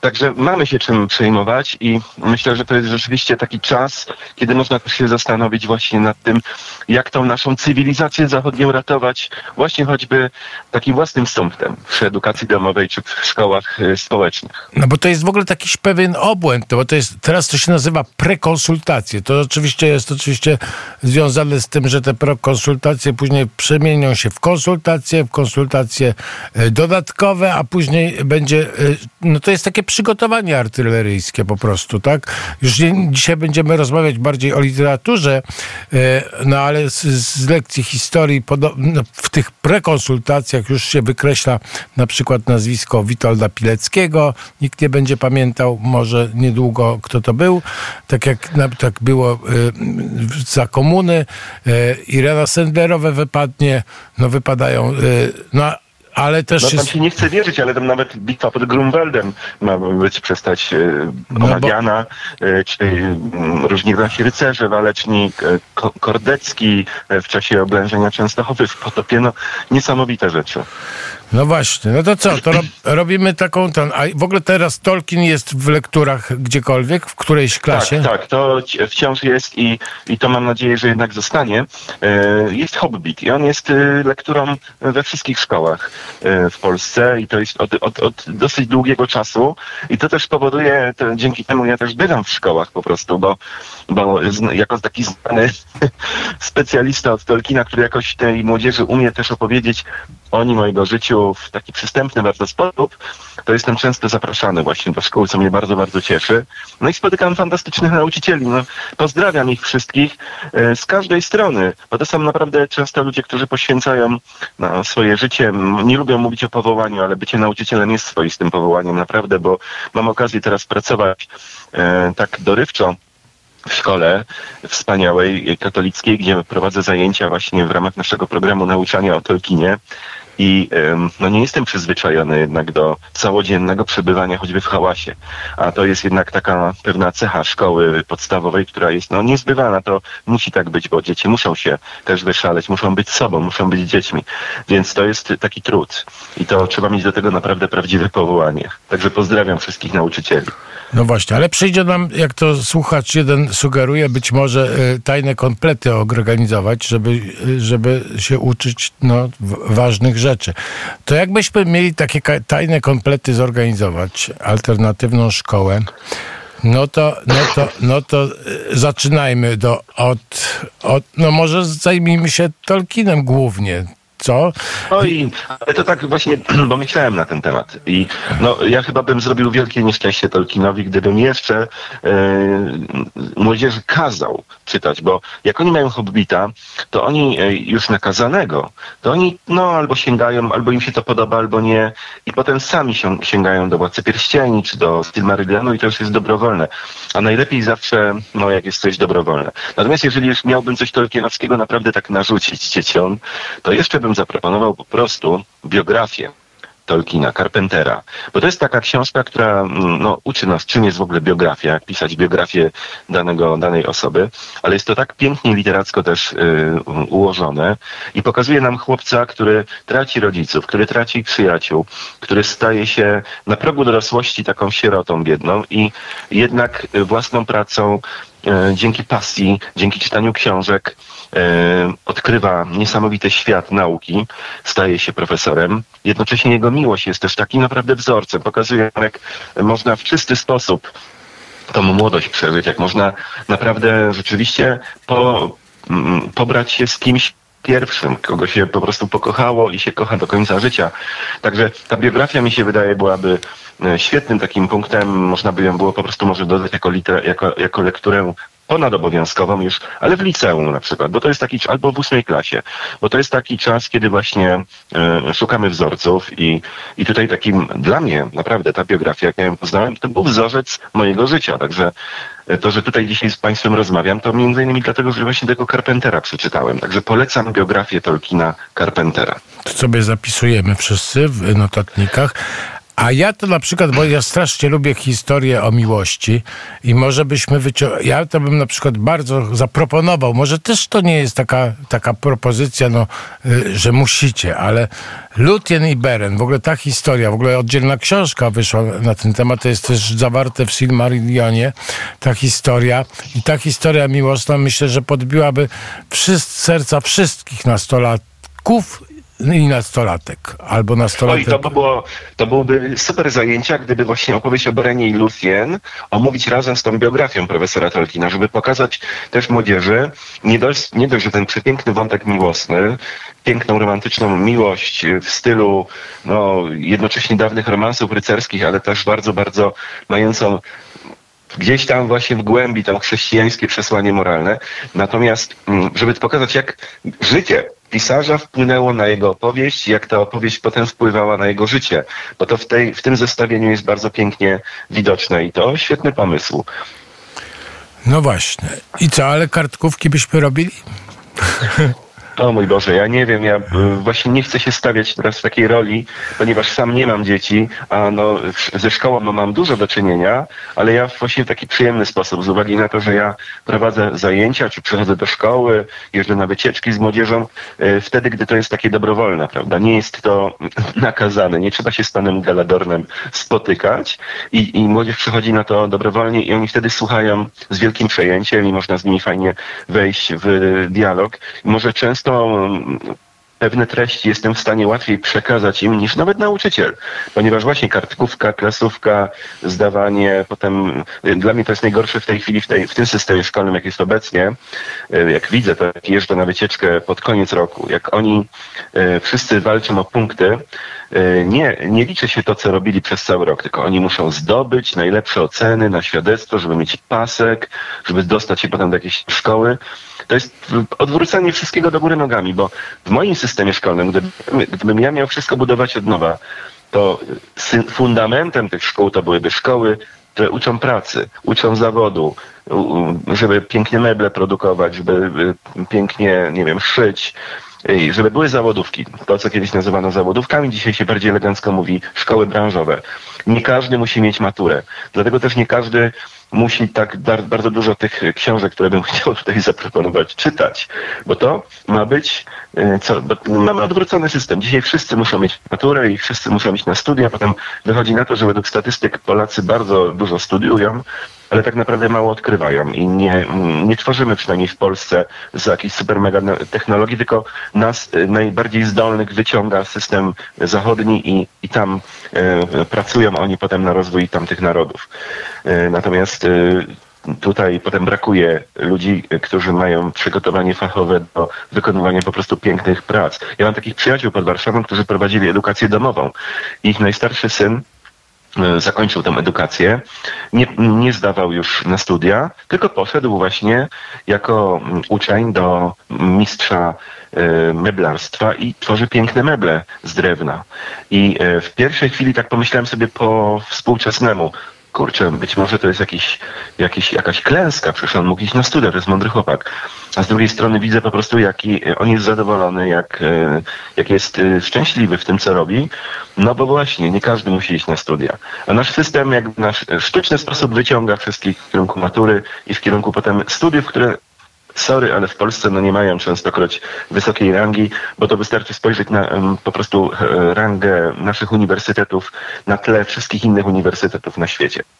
No tak, bo to, jeszcze ten system właśnie uniwersytecki, nawet w najlepszych uczelniach już jest tak e, przysiąknięty tym, tą Excelową biurokracją. No ja pamiętam, e, rozmawiałem kiedyś z panią e, e bardzo szlachetną i e, mądrą e, filolożką klasyczną, czy filologiem klasycznym lepiej powiedzieć, no już nie mówmy, nie, no sam się, że tak powiem, łapię na te słowa no, nowe i ona mówiła, że jak studiowała w swoim czasie e, u księdza Tischnera, to on przychodził i rzucał temat i rozma rozmawiali na jakiś temat filozoficzny, na temat dobra, zła, piękna czy, czy jakiś i to był początek zajęć i, i, i nie było żadnych e, i ona powiedziała, że on teraz by się w ogóle nie oddalazł w tym świecie, to znaczy musiałby wy, wypełnić 10 tysięcy różnych jakichś takich excelowych e, e, tych, tych, tych, tych, tych punkcików i, i dopiero wtedy i musiałoby to wszystko mieć 28% jakiegoś tam E, nie wiem, podejścia e, genderowego, a 2% jakiegoś takiego innego, bo to wygląda na to, że to wszystko funkcjonuje w jakimś takim obłędnym, biurokratycznym systemie i nie ma, że tak powiem, wolności myślenia. No właśnie, ja też to widzę w świecie nauki uniwersyteckiej, gdzie moi koledzy zajmujący się podobnymi kwestiami jak ja, ja zupełnie z wolnej stopy, bez uniwersytetu, bez, e, e, z patronatem różnych profesorów, ale bez tej biurokracji badam sobie i rozwijam wiedzę o wsi na e, terenie Prus w wieku XVI-XVII, na tle tego całego rodu Tolkienów, bo no, piszę książkę na ten temat, badam dokumenty, jeżdżę do archiwów, ale robię to z za własne pieniądze, ewentualnie z pomocy też patrona i tam mojego własnego, ale nie na uniwersytecie. Natomiast widzę, w co oni muszą się wplątać, żeby oni mogli cokolwiek zrobić, to oni muszą otrzymać jakieś granty, jakieś punkty, walczą o artykuły, które nie wnoszą nic jakiegoś czasami wielkiego w naukę. Mm, niektóre wnoszą oczywiście, ale nie wszystkie i mm, są po prostu w, takim, w takiej sieci. E, myślę, że dzisiaj jest to czas, gdy ktoś ma dostęp do, do jakichś środków, które pozwolą mu na takie podróże, że lepiej po prostu badać i pisać w, z wolnej stopy, nie, nie na uniwersytecie. Dlatego, że uniwersytet jeszcze dodatkowo zaczyna coraz bardziej działać ideologicznie i zaczyna naciskać. E, mam e, też e, kuzynki, które pracują i na, na uniwersytecie dużej, dużej uczelni, w dużym bardzo mieście nobliwej, no, no to właśnie kuzynka mówi, że patrzy z przestrachem na to, co się dzieje w tej chwili, bo i materiał jest coraz słabszy, czyli studenci po prostu, e, którzy e, akurat na kierunek sztuki, który ona, ona, ona, nim, ona na nim mm, tam mm, uczy, no to są ludzie niezwykle nadwrażliwi, zawsze byli, no ale w tej chwili, w tej dobie, kiedy każdy może być, nie wiem, nawet kotem albo wiewiórką, no to ona spotyka po prostu się z ludźmi, którzy jeszcze wiele lat temu prawdopodobnie może by byli leczeni psychiatrycznie, a oni obecnie są po prostu studentami. No są to po prostu trudne czasy. Także yy, nasz kanon, no to kanon dla ludzi silnych. Myślę, że dla takich, dla takich którzy idą trochę pod prąd. Ja sam sobie trochę, mm, panie Konradzie, ułatwiłem, dlatego że na Twitterze napisałem właśnie y, takie pytanie bez żadnych nawet zdjęć, po prostu samo pytanie. Na takie pytanie najczęściej mało kto odpowiada, tu jest strasznie dużo odpowiedzi. Gdybyście układali listę lektur do szkoły, co powinno się na niej znaleźć, czego nie ma na takiej liście dziś? No i mimo tego, że moi znajomi to są głównie tolkieniści, to jednak w podobny sposób podeszli do tej sprawy jak ja. I tutaj się pojawiają takie rzeczy jak Tristan i Izolda, Chanson de Guest, e, jakieś dialogi Platona, oczywiście Iliada, bo nie, nie, nie jestem pewien, czy no Iliada cała na pewno nigdy nie była lekturą, bo to jest jednak trudna, trudna lektura. Ja pamiętam w moich czasach to był fragment Iliady. E, czy fragmenty do omówienia. Mamy tutaj także braci Karamazow, Annę Kareninę, fikcję Borgesa, 100 lat samotności Markeza, coś ze Steinbecka, no bardzo ambitne rzeczy, ludzie, myszy i ludzie. E, czyli klasyka takiej współczesnej literatury, która jednakże właśnie może nam wiele powiedzieć. Mam nadzieję, że jest jądro Bardzo, ale bar, bardzo dobrze. No wszystkich tych aktorów, bardzo, autorów cenię i no można uwielbiam, można powiedzieć. Jeszcze bym Flauberta do, dorzucił. E, No, wspaniale. osobiście. też jest zaproponowana tutaj, Ostatnio- którą akurat chyba teraz wycinają. Tak. No, no dobra. No wycinają. No nie, no ja rozumiem. No, y, musimy y, jakoś tak sobie podpowiadać też książki, bo jest ich tak całe mnóstwo wspaniałych książek i nawet no, ta nasza rozmowa też ma podpowiadać ludziom książki, które nas zachwycają, tak? No bo zachwyt jest początkiem, że tak powiem, takiego prze, przekazu, no bo, bo ja nie, nie ośmielam się, że tak powiem, proponować książek, które mnie nie zachwyciły. No na przykład y, Salam, bo przeczytałem Flauberta, która to książka następna po, po pani Bawary została napisana i jest absolutnie cudownym też właśnie a propos tego Lucien i Berena, e, też piękna historia miłości, o miłości dzieje się w Kartaginie, ale zauważmy, że Flaubert też miał czasy bardzo trudne. E, pani Bawary została, że tak powiem, e, zjechana od stóp do głów i on, żeby uniknąć kłopotów, e, napisał e, książkę z czasów e, Kartaginy, tak? E, I, Kartagina, starożytność i ta miłość jest opisana właśnie w starożytności i piękna miłość, ale to jest oczywiście główna oś, ta miłość, ale tam, tam się dzieje, takie opisy są nieprawdopodobne, że no absolutny zachwyt. No ja sobie też notuję w takim razie, bo ten program jest dla mnie też dużą nauką, żeby też czegoś się dowiedzieć i coś nowego poznać. Ja bym dodał jeszcze na przykład takich książek, które na mnie bardzo mocno wpłynęły i one są takie naprawdę, mimo tego, że są chrześcijańskie, są uniwersalne, to nikt nie jest samotną e, wyspą e, Tomasza Mertona. To wydaje mi się, że jest taka książka, która młodemu człowiekowi naprawdę może mm, wiele dać. Ja zresztą chyba moim obydwu chrześniakom tą książkę też sprezentowałem, bo myślę, że to jest to taka dobra, dobry drogowskaz. Jeżeli się w to wejdzie i człowiek tą umie przeczytać, to, to może mu bardzo pomóc. No i oczywiście nasza nieśmiertelna opowieść, którą tutaj często przywołujemy, Tolkiena oczywiście, czyli e, liść dzieło Nigla, taka można powiedzieć przypowieść o odchodzeniu, umieraniu, o roli sztuki, o roli naszej kreatywności, o roli przyjaźni i dobroczynności. To jest bardzo piękna opowieść, która nie jest długa i myślę, że nawet y, kogoś, kto jest niechrześcijaninem, nie odtrąci, bo nie jest tam, tam nie ma wprost nigdzie nic napisane. No i oczywiście esej o baśniach, który byłby znowu dla uczniów taką e, jedną z teorii literatury, pokazująca, że można mówić o opowieściach, o, o, o sztuce w ogóle, jako o swoistej takiej koncepcji ludzkiej kreatywności, włączonej właśnie w, całą, w całe nasze człowieczeństwo, że nie jest to coś tylko oderwanego dla górnolotnego, ale w zasadzie no, nasza kreatywność, ona jest y, chyba obecna u każdego, myślę, człowieka.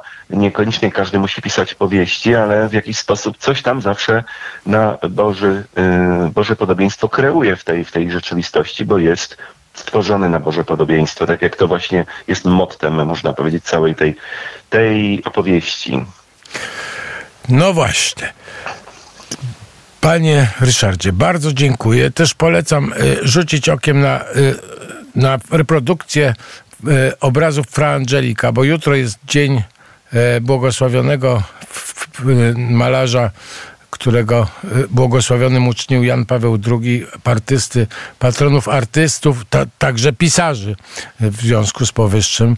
Także y, bardzo dziękuję. Za tydzień się usłyszymy, już będziemy bardziej wchodzić w materię e, sensu stricto tolkienowską, ale no dzisiaj jakby to było takie nasze odbicie Tolkien, ale e, rozmawialiśmy o różnych książkach, o, no i polecamy książki różne sobie. Polecamy czytanie. A ja z wielkim zachwytem słuchałem też e, poprzedniej e, rozmowy na temat wypraw krzyżowych. To jest po prostu niesamowity cykl, który też polecam i mam nadzieję, że on też w formie podcastu będzie dostępny, żeby można go było potem polecać innym, bo to wielka naprawdę wiedza. Ja teraz będę tylko słuchał Radia Wnet znowu cały dzień, pracując przy moim, e, przy moim tłumaczeniu książki. Także bardzo wszystkich pozdrawiam słuchaczy i zachęcam do wspierania Radia Wnet na Patronajcie. Ja też bardzo zachęcam. Teraz będzie e, auto, że tak powiem, promocja Petronata e, w Radio Wnet. Dziękuję panu, panu Ryszardzie, a za chwilę zajmiemy się, no jest post, to zajmiemy się postem na Dolnym Śląsku i połączymy się z Juliuszem Woźnym, który nam opowie, czym się różni post na Dolnym Śląsku i różnił od postu gdzie indziej, jakie były cechy charakterystyczne tego postu. Ale teraz jeszcze posłuchajmy e, utworu Crazy on You. Słuchacie Państwo tygodniowego kalejdoskopu kulturalnego 17 lutego 2024 roku. Jesteśmy w okresie postu i post różny jest i różnie wygląda. y, W zależności od regionu też. Witam Juliusza Woźnego z Wrocławia. Witam pięknie z pozdrowieniem wielkopostnym. Pozdrawiam z Dolnego Śląska. No właśnie, a słuchał pan o tych Ślązakach, którzy uczestniczyli w prawach krzyżowych, tak na początku? Naturalnie, naturalnie, panie redaktorze, To i od razu mi się przypomniał, e, od razu mi się e, przypomniał Bolko Wysoki, e, syn Władysława Wygnańca.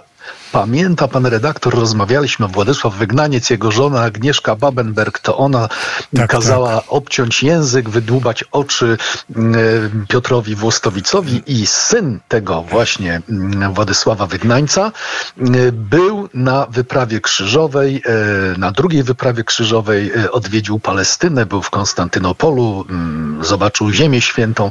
W ogóle był wielkim rycerzem. Polko Wysoki to nie bez powodu on się tak nazywał i świetnie dawał sobie radę w turniejach rycerskich. Także mamy mm, ze Śląska e, jeszcze jednego uczestnika e, krucjat. No to gratulujemy bardzo serdecznie. Pewnie nie przysłał kartki, no bo wtedy tak poczta działała gorzej, no ale może przysłał. A, on nam tu zbudował zamek z 18-boczną e, salą, rewelacyjną, ogromną, wiel- wielką, niezwykłe osiągnięcie architektoniczne, prawdopodobnie jedna z największych sal w Europie, takich sal, w których przyjmowano mm, interesantów. E, Książę zasiadał w majestacie i e, można było e, przed nim złożyć niski pokłon. Dobrze, panie Juliuszu, bo dzisiaj żeśmy się namawiali mm, e, na określony temat, to znaczy będziemy rozmawiali, będziemy rozmawiali o specyfice właśnie Wielkiego Postu na Dolnym Śląsku. No i bardzo bym prosił o przybliżenie nam tego tematu. E, Czy są jakieś takie mm, e, historie, opowieści, które nie mają miejsca gdzie indziej i jakieś właśnie cieka- ciekawostki? E, Tak jest. Tutaj już w XIII wieku e, doszło do dość e, ciekawego wydarzenia. Otóż osadnicy niemieccy mm, w roku 1248 zwracają się do władz kościelnych z prośbą o złagodzenie postu. Niemieckie mięczaki nie potrafiły wytrzymać zaledwie 63 dni postu, jak to tutaj było wśród miejscowej lud- ludności. Polacy potrafili zacisnąć zęby i jeść takie potrawy postne, natomiast Niemcy prosili, żeby złagodzić im do 40 dni, żeby to rzeczywiście było tak od środy, od środy, od środy popielcowej, tak.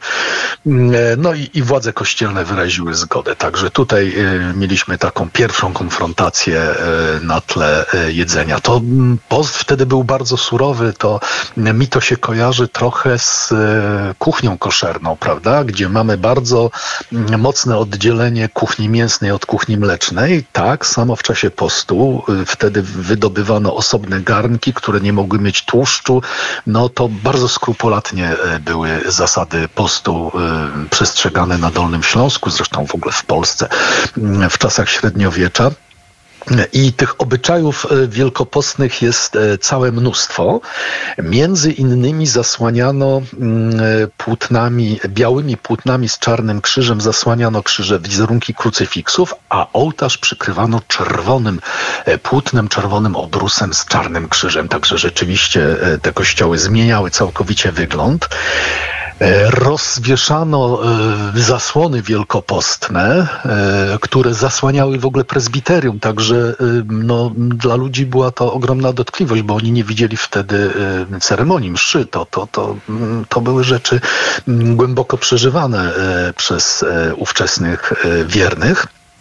E, takie zasłony wielko, wielkopostne zachowały się aż dwie w Żytawie, w Citał, e, nieprawdopodobne zupełnie, one chyba pochodzą z XV wieku, mają bardzo ciekawą historię, między innymi sowieccy żołnierze, żołnierze w trakcie II wojny światowej, kiedy wkroczyli do Żytawy, używali tej, tych zasłon. Jedni mówią, że do zasłaniania, że do zasłaniania e, łaźni, inni mówią, że tam zasłaniano taki dom uciech, tą, tą zasłoną, więc jakaś, jakaś taka profanacja, ale zasłona szczęśliwie e, przetrwała. Zawiera 90 scen e, z, ze Starego i Nowego Testamentu, czyli wracamy tutaj do tematu komiksu, panie redaktorze.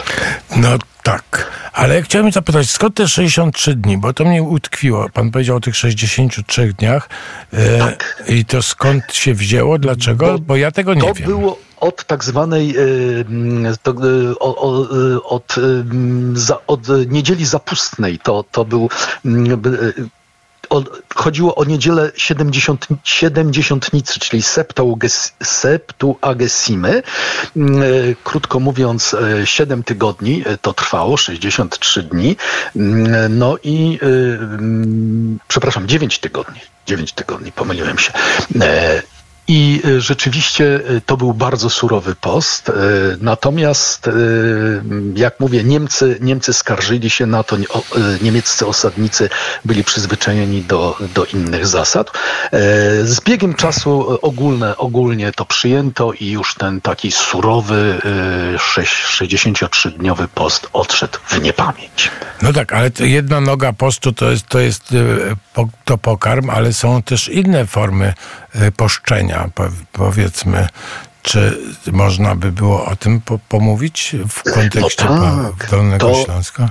Tak jest. E, tutaj e, wtedy e, obowiązki były takie, żeby przystąpić do spowiedzi, prawda? To mm, te rzeczy były bardzo zasadniczo mm, wtedy traktowane. Mm, co więcej, każdy musiał spowiadać się u swojego proboszcza. To nie było to, że tamto, że ja sobie pójdę Że można sobie wybrać, tak? Po prostu. Tak, że można sobie wybrać. Jeśli dochodziło do czegoś takiego, to trzeba było mieć specjalną pisemną zgodę. To, to naprawdę nie były przelewki. Mm, e, czyli y, no nie mogło nikogo zabraknąć w, tym, w tej kolejce do, y, do y, spowiedzi. Tutaj ciekawa rzecz, na Śląsku jest bardzo wyraźnie zaznaczone, że spowiednik musi znać język miejscowy, czyli sprawdzano, czy księża mówią także biegle po polsku, no bo przecież musieli rozumieć, co, co mówi penitent.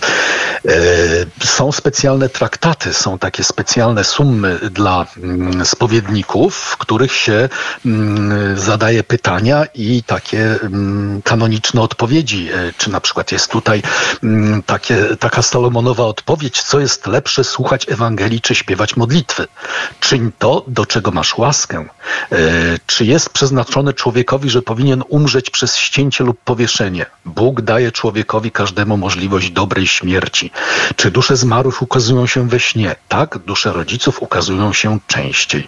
Także e, tutaj mamy e, bardzo szczegółowe e, wykazy, takie mm, porady, wskazówki dla spowiedników było y, zakazane, żeby na przykład spowiednik sobie wybierał, y, żeby y, jakąś tam łamał kolejkę i tych zamożniejszych, tych, którzy mogli się ewentualnie jakoś tam odwdzięczyć, żeby wpuszczał pierwszych. Nie wolno też było się spowiadać w domu, a już w żadnym wypadku w sypialni. Także te, te kanony, te, te zasady są bardzo surowe. Były też grzechy, których nie mógł odpuścić zwykły ksiądz. E, trzeba no to bardzo z, ciekawe, proszę opowiadać. Z taką sprawą trzeba było pójść do, e, do e, biskupa, e, czyli na przykład zabicie ojca lub matki za spiskowanie przeciwko życiu współmałżonka, za dokonanie kradzieży w kościele. Mm, e, mm, także e, rzeczywiście. E, mm, no to ale to poważne, rzeczywiście. To poważne, taka... tak. Świętokradztwo, podpalenie, kazirodztwo, krzywoprzysięstwo. Krótko mówiąc, tutaj już trzeba było podjąć pewien wysiłek. Mało tego tu już nie potrafię powiedzieć, które przewiny, ale były takie, które wymagały osobiste, osobistej wizyty w stolicy apostolskiej. Także mm, e, nie tak jak dzisiaj, że my sobie te sprawy e, załatwiamy w sposób bardzo prosty e, bardzo łatwy. E, no, sens spowiedzi e, jest dla mnie naprawdę bardzo głęboki. Ja myślę, że to jest e, takie ważne przeżycie i to, że się upokarzamy, że stajemy się własnym prokuratorem, własnym oskarżycielem, to jest bardzo ważne. No właśnie, no jeszcze wcześniej no, ważny jest ten rachunek sumienia wcześniejszy. To jest nie, niezwykle istotne. Właśnie można porozmawiać ze samym sobą i z Panem Bogiem we własnym sumieniu, a później pójść do konfesjonału. A ciekaw jestem jeszcze a propos po tych e, właśnie takich ważnych spowiedzi, takich no, ciężkich spowiedzi, czy jakieś pozostałe listy na przykład e, penitentów do biskupa. E, ja nie, już nie chcę wchodzić w materię tych grzechów, ale czy, czy, czy wiadomo, ile takich osób musiało się udawać na Dolnym Śląsku, czy we Wrocławiu samym, powiedzmy, na takie właśnie e, specjalne e, Wycieczki spowiednicze? tego nie wiem, tego nie wiem, ale był, były, e, była pokuta publiczna przewidywano coś takiego za szczególne, mm, za szczególne przestępstwa, za, szczególne, e, za szczególnie ciężkie grzechy. E, wtedy sytuacja wyglądała tak, że e, rozpoczynało się w środę popielcową. Penitent mm, otrzymywał laskę specjalną i szatę pokutną. Był zobowiązany czasami do odbycia pielgrzymki i dopiero pojawiali się ci E, znaczy ksiądz w ogóle odprowadzał takiego, takiego grzesznika ciężkiego do wrót kościoła i mówił, oto dziś zostajesz wyrzucony z łona matki twojej kościoła z racji twych grzechów, tak jak pierwszy człowiek Adam wyrzucony został z raju za swe wykroczenie. We wrocławskiej katedrze była specjalna brama zwana bramą Adamową, tam były wizerunki naszych pierwszych rodziców i tą bramą ten e, grzesznik, jak niepyszny, opuszczał świątynię. Ale ta brama do... już nie istnieje? Bo pan Niestety, ta brama już nie istnieje. E, nie wiem, co się z nią stało. Być może to były gdzieś tam na drewnianych drzwiach jakieś takie e, tylko e, płaskorzeźby, tak to sobie wyobrażam.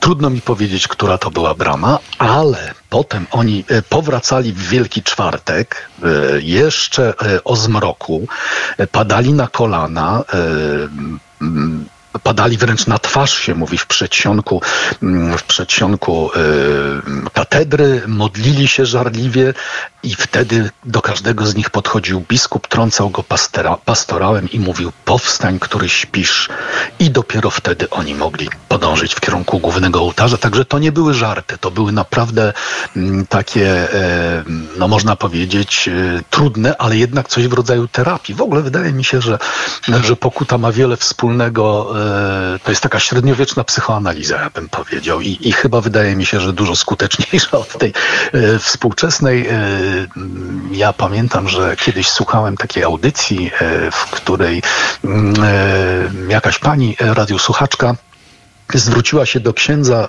do, przepraszam, do prowadzącego, to, to chyba był ksiądz, który, mu, który i powiedziała mu, że no najgorsze to jest poczucie winy. No można iść do spowiedzi, ale poczucie winy to jest coś strasznego ksiądz stanął na wysokości zadania i powiedział jej, proszę pani, bez poczucia winy to w ogóle nie ma mowy o spowiedzi. To, to jest w ogóle e, fundament. E, ja zdaję sobie sprawę, że współczesna psychologia zwalcza takie e, niemiłe uczucia, to jest dyskomfort psychiczny, no ale myślę, że nigdy nie staniemy w prawdzie, nigdy nie, nie, nie będziemy potrafili właściwie siebie ocenić, jeśli nie będziemy mieli poczucia, że zrobiliśmy, że postąpiliśmy źle. No nie, to, to, to ewidentnie, że wiele osób wybiera e, e, ko- kozetkę ps- psychoanalizy zamiast spowiedzi teraz, no takie czasy, ale ja też uważam, że to, no to jest taki marny substytut, takie coś, coś próba takiego wejścia na terytorium, które, które już zostało, że tak powiem, zabudowane i wspaniale zabudowane i, i, i działa tak naprawdę. No, działa. No nie jest to proste, no ale życie nie jest w ogóle proste do końca. Widzimy to codziennie, prawda? I, Naturalnie. I, i, I w związku z tym no, te, te, te nowo, nowoczesne, że tak powiem, próby wejścia w, na terytoria, które zostały, no to tak, no trochę to jest tak jak z tymi, z tymi opowieściami o tym, że, że, że, że, że z pana Tadeusza, jak e, o, była opowieść o tym, jak to przyjechał hrabia z Francji i mówił, no przecież ludzie wolni są i równi, równi są. No i ktoś tam mu powiedział, no ale przecież to w Paśmie Świętym napisane co tydzień mówi o tym ksiądz Zambony, a, a tutaj od, odkrywanie i otwieranie drzwi, które już zostały dawno otwarte. No i, i to Tak, jest. tak, koncepcja bliźniego to jest właśnie e, doskonały, doskonały, no przecież e, kiedy e, Mieszko przyjął chrzest, to targowiska niewolników na wschodzie i południu zaliczyły kryzys. E, Właśnie nie można było handlować bliźnim, prawda? Także to, to, mm, to jest ogromny przełom w dziejach naszego e, kraju, chrzest Polski, także, także pod tym względem. Natomiast do Wrocławia e, przybył w roku 1453 Jan Kapistran, fenomenalny kaznodzieja, no i tu zaczęły się dziać rzeczy takie, to bardziej znamy Florencję i Savonarole, prawda, że tam płonęły te stosy próżności, na które tam wrzucano przedmioty zbytku i proszę sobie wyobrazić, że na Placu Solnym we Wrocławiu mm, w roku 1453 e, działo się dokładnie to samo. Płonęły karty do gry, kości, e, lustra, kosmetyki, czyli te takie mm, rzeczy, które Jan Kapistran e, potępiał. On wchodził na ambonę z ludzką czaszką i wołał Oto jest zwierciadło, w którym możecie zobaczyć wszystko, co uczyniliście i do czego wasza miłość was doprowadziła. Patrzcie, gdzie są włosy, które tak trafiliście, gdzie nos, którym wdychaliście przyjemne zapasy, zapachy, gdzie język, którym kłamaliście. Wszystko zjadły robaki. Rzeczywiście mm, kazania kapistrana robiły ogromne wrażenie. No jak mówię tutaj, mm, wtedy stos próżności na, na e, Placu Solnym we Wrocławiu. On tam gdzieś zresztą rezydował e, w pobliżu i podobno też czasami głosił kazania z okna e, kamienicy. Krótko mówiąc, to były, to były ogromne przeżycia duchowe dla tamtych ludzi. To my sobie w ogóle nie jesteśmy w stanie wyobrazić, jak taka seria kazań wielkopostnych była w stanie wstrząsnąć człowiekiem średniowiecza. A ja to już, no to jestem w ogóle podekscytowany tą postacią. W ogóle uwielbiam Savonarola, e, zwłaszcza e, z, e, przez Botticellego. Oni się przyjaźnili i Botticelli zmieniał w ogóle, zmienił, zmienił się jako malarz. Wszedł na głębszy poziom, że tak powiem, tak krótko. To może, ale to był taki, może o tym Janie Kapistanie, myśmy zrobili audycję oddzielną na przykład. No, można, można by się pokusić, oczywiście. Może się namówimy, że się przygotujemy do takiej audycji na przykład Dobrze, na, dobrze. na za dwa tygodnie. Możemy. czy możemy. mieliśmy Jan jakieś Kapistran, tak. Ale to byłaby wspaniała audycja, bo to, bo to na pewno o Savonaroli to wszyscy słyszeli, tak? A, a my mamy tutaj bliżej, że tak Mamy, powiem, tak, przykład tak. fantastyczny i, i tak. A jeszcze jedno pytanie, czy Tam widać... oczywiście kontrowersje pojawiają wokół niego, ale to e, uchylimy rąbka tajemnicy. No ale te kontrowersje to są ciekawe rzeczy. No to nie, nie musimy tutaj być jakimiś sędziami, tak? Będziemy opowiadać różne rzeczy z różnych stron, bo, bo no, No tak, żeby tak. ludzie się dowiedzieli różnych ciekawych rzeczy, bo po to radio jest generalnie rzecz biorąc. A ja chciałem zapytać, czy w ogóle we Wrocławiu czuć, że jest teraz już okres postu troszeczkę, czy, czy, czy, czy nie? No we Wrocławiu to przede wszystkim słychać ciągniki, e, jeżdżą tutaj rolnicy po, po mieście. Widziałem taką kolumnadę mm, przejeżdżającą przez e, Kazimierza Wielkiego ulicę, no i widziałem tłumy wrocławian, które kiwały do, do rolników. E, pokazywano tradycyjne zajączki, tak jak z dawnych czasów, to panie redaktorze, my pamiętamy w jakich to okolicznościach się pokazywało te dwa palce. Tak, tak. I rzeczywiście, rzeczywiście. to Czyli, jest ale w się buduje taka wspólnota. Mam nadzieję, mam nadzieję, że coś takiego się dzieje. No ja sądzę, że e, wara od naszego talerza. E, To, co jemy, to jest chyba, to jest chyba e, nasza prywatna sprawa i, i, i powinniśmy mieć pod tym względem wybór. No właśnie, ale coraz mniej nam zostaje wyboru. Zostaje, mamy... Wie, co, co, Zapowiada się wielki post, panie redaktorze. Tak. Taki naprawdę. Wielki, bardzo wielki post.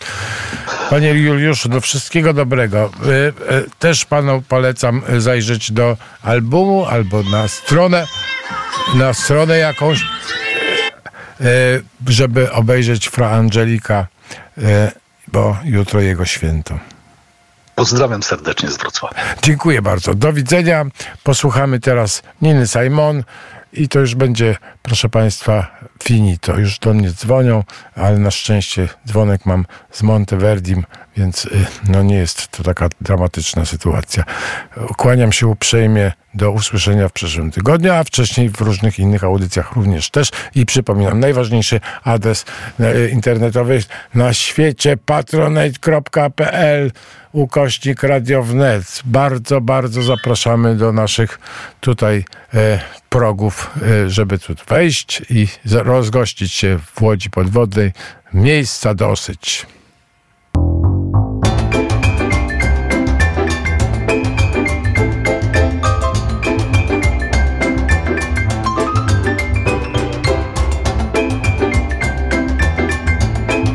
Tygodniowy kalejdoskop kulturalny. Audycja Konrada Mędrzeckiego.